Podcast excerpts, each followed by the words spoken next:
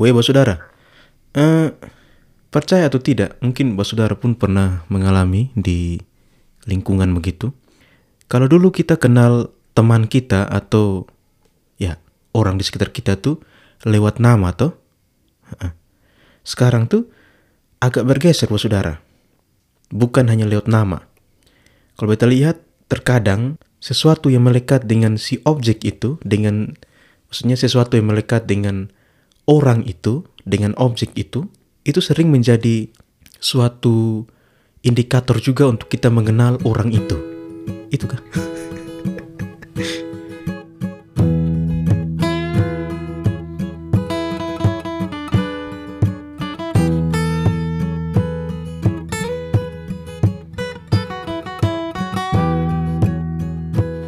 Oke, saudara, um, bahwa sebenarnya Bukan cukup dengan nama saja bahwa lu dikenal. Contoh ya, saudara.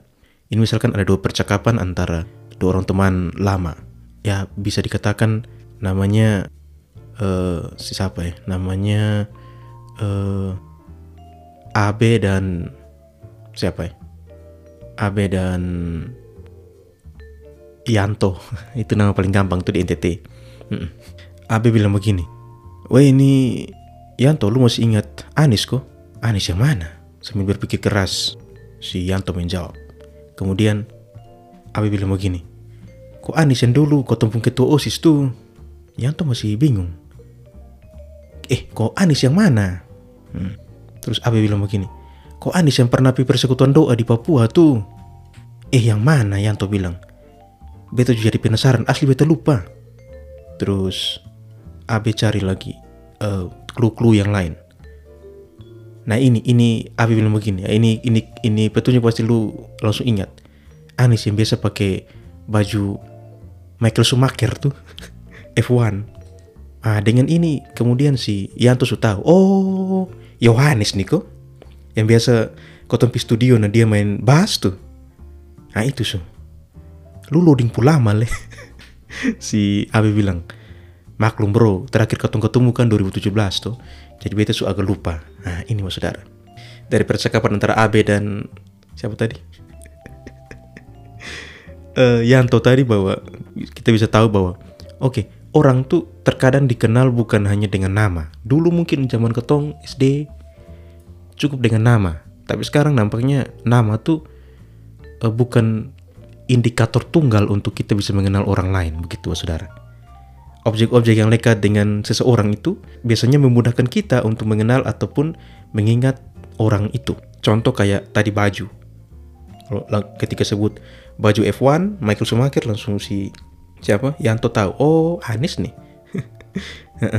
Atau mungkin contoh yang lebih dekat dengan sekarang tuh, ya, mungkin ini Abi bilang, kok Anis nih, Anis yang dulu paksa di Bapak beli motor CRF L warna merah putih keluaran 2021 yang dia punya bapak kredit gara-gara dia menangis tuh. nah, jadi um, kadang kalau dulu waktu kuliah beta dan teman-teman untuk kan yang saudara dong kalau lupa eh Anis yang mana? Kok Anis yang di motor fiction nih atau Anis yang dengan EVU nih? Nah, dari dia dari dia punya motor kita bisa tahu bahwa oh ini yang ini. Begitu saudara. Hmm objek yang melekat dengan kita, yaitu ya juga yang adalah uh, indikator untuk orang kenal kita juga. Dan susah hilang, saudara. Mau kita buat upaya untuk orang lupa pun namanya di masa itu kita dikenal dengan benda itu ya orang pasti melekat dengan dengan dengan dengan uh, apa dengan benda itu di di di kita tuh begitu saudara. Identitas bukan hanya nama, wajah atau kendaraan yang kita pakai. Jadi kalau sekarang lu sudah pakai Innova biru misalkan. Tapi dulu lu pakai Avanza merah stripping kuning ya orang masih ingat lu punya Avanza stripping kuning itu yang dulu. Ada gambar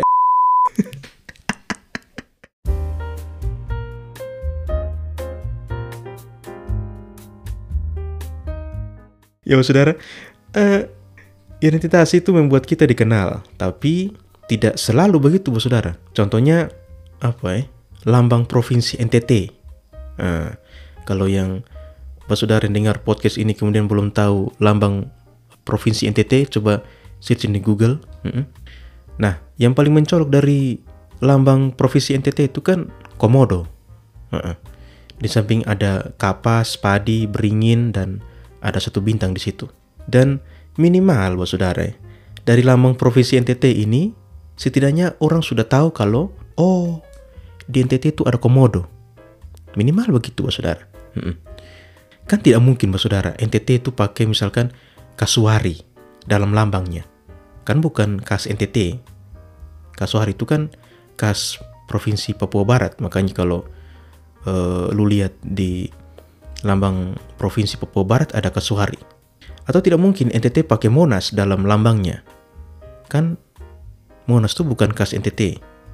Monas kan khas untuk tempat dan Iya, begitu oh saudara ya. Jadi biasanya lambang suatu provinsi atau kabupaten kota itu identik dengan suatu ikon yang menjadi menjadi khas dari si si kabupaten kota itu ataupun ya negara ya.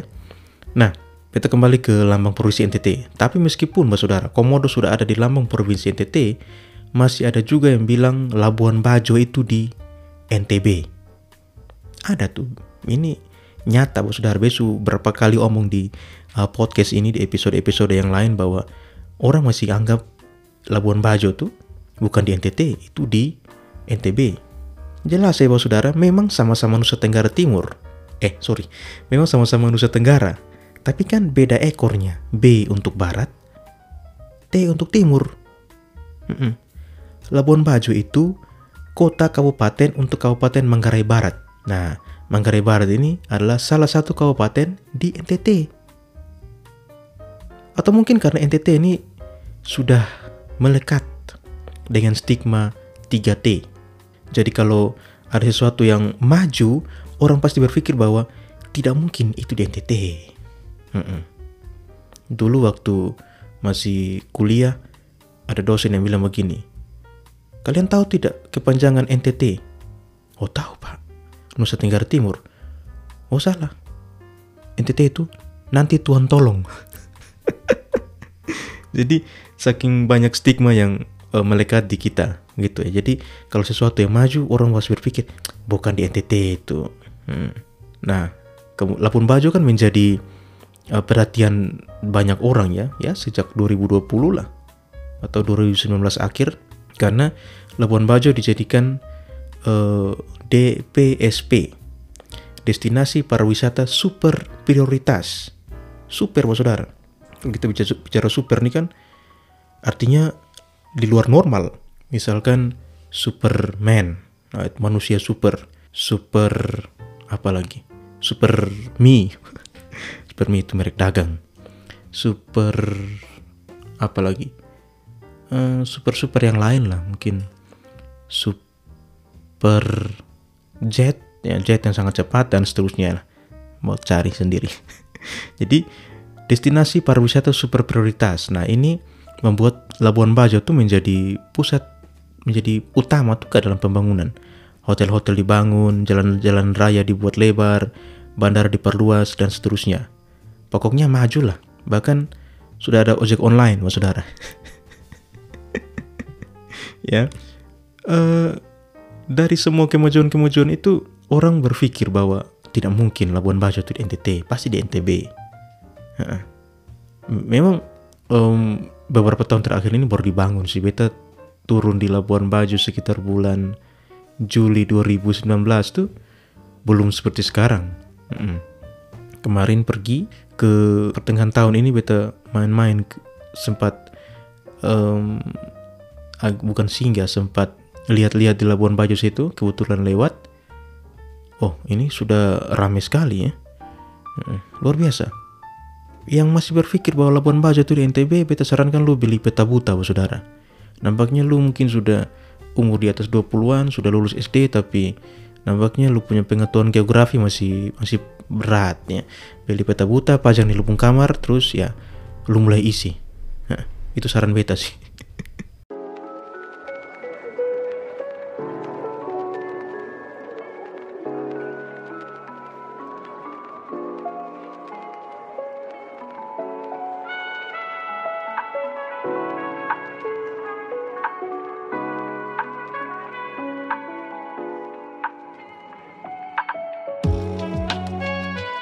Oke, Saudara, bicara soal komodo, ya. Taman Nasional Komodo itu TNK yang di Pulau Rinca itu sudah kembali dibuka per 1 Oktober 2022 kemarin, Saudara. Ya. Jadi lu sudah bisa pergi bermain dengan komodo ya. Kalau lu memang berniat pergi silakan. Um, sebelumnya sejak Januari 2020 kan ditutup.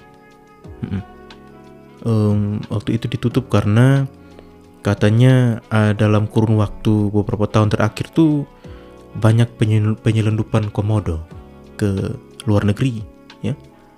Salah satu negara tujuannya itu di Singapura. Total upaya penyelundupan ini sebanyak 41 ekor bu saudara ke luar negeri. Lumayan banyak.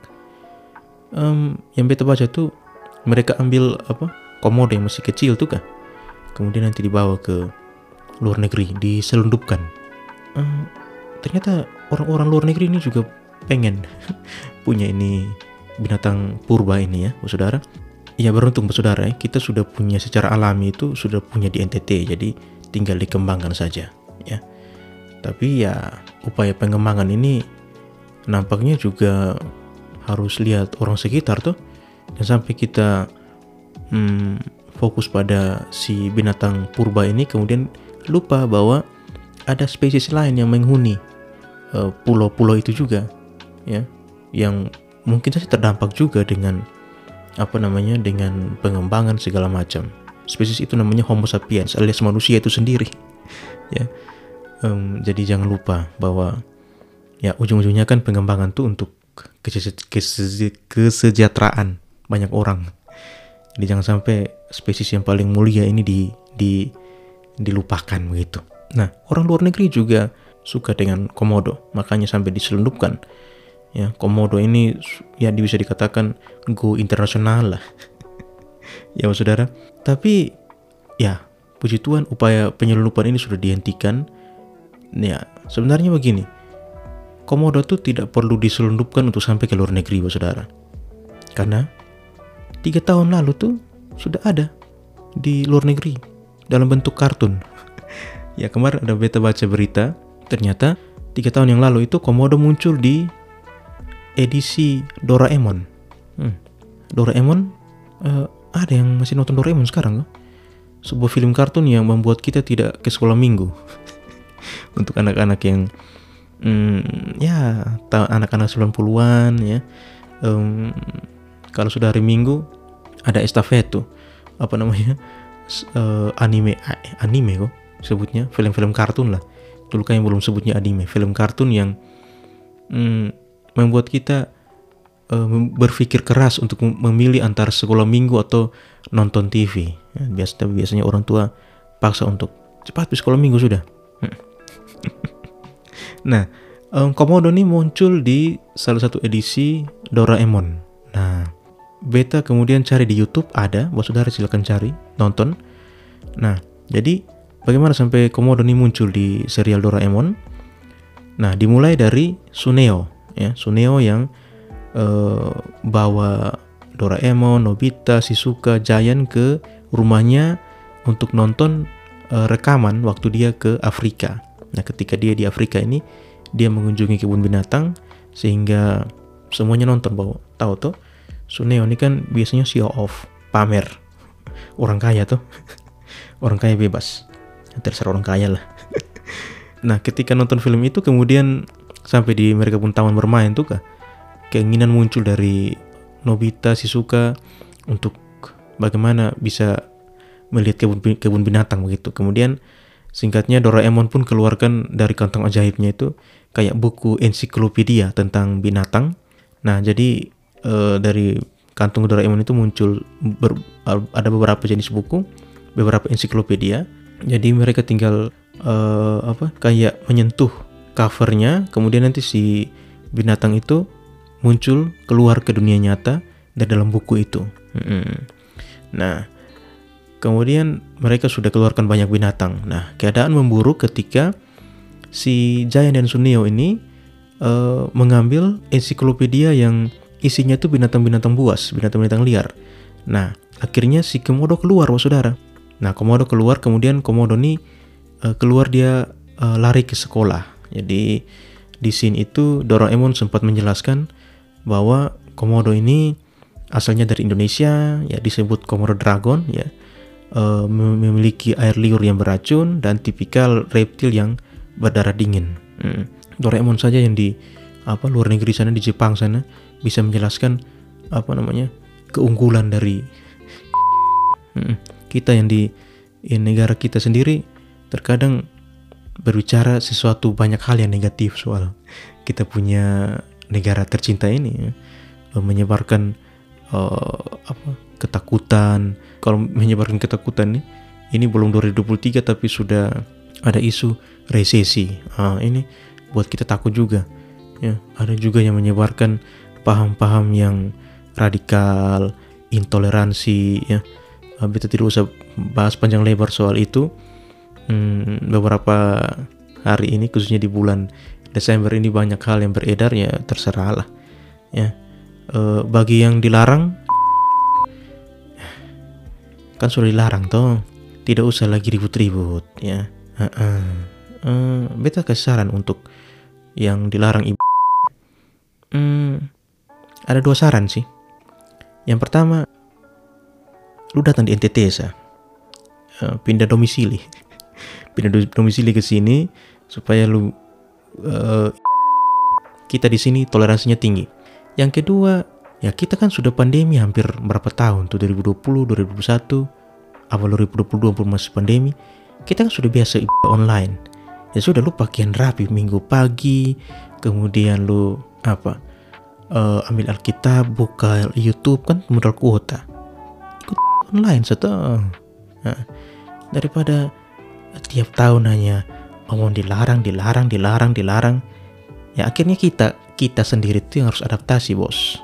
Ya, Mm-mm. kayak komodo beradaptasi.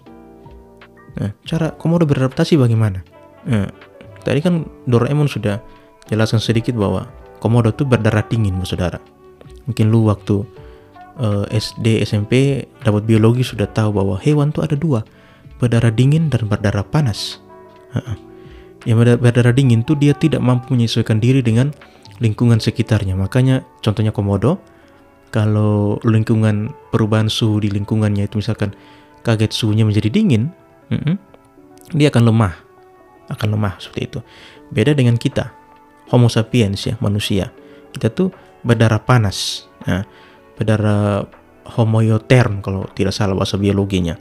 Jadi kalau kita berdarah panas, kita tuh suhu tubuh kita tuh tidak uh, mampu untuk beradaptasi dengan perubahan suhu di lingkungan. Hanya biasanya kita kan adaptasi dengan misalkan dingin pakai selimut atau kalau panas kita pakai baju yang lebih tipis dan seterusnya. Nah manusia itu kan berdarah panas toh. Mm -mm. Jadi lu pun harus adaptasi buat saudara. Uh -uh. Jadi kalau tiap tahun sudah dilarang, dilarang, dilarang ya tidak usah terlalu cerewet lagi di medsos atau apa. Ya sudah lu sendiri yang harus ambil tindakan. Hmm. saran beta dua tadi lu pindah PNTT saja. Dan kedua lu online saja. Hmm. kalau lu mau pindah ya siap memang ini apa? Surat keterangan pindah urus di di spenduk. Setelah itu kalau sudah dapat rekomendasinya harus lu tinggal pilih saja NTT ini banyak kabupaten Hmm, ini episode terakhir di tahun ini. Uh, semoga tahun depan lebih baik lah untuk negara api ini. Cheers, saudara.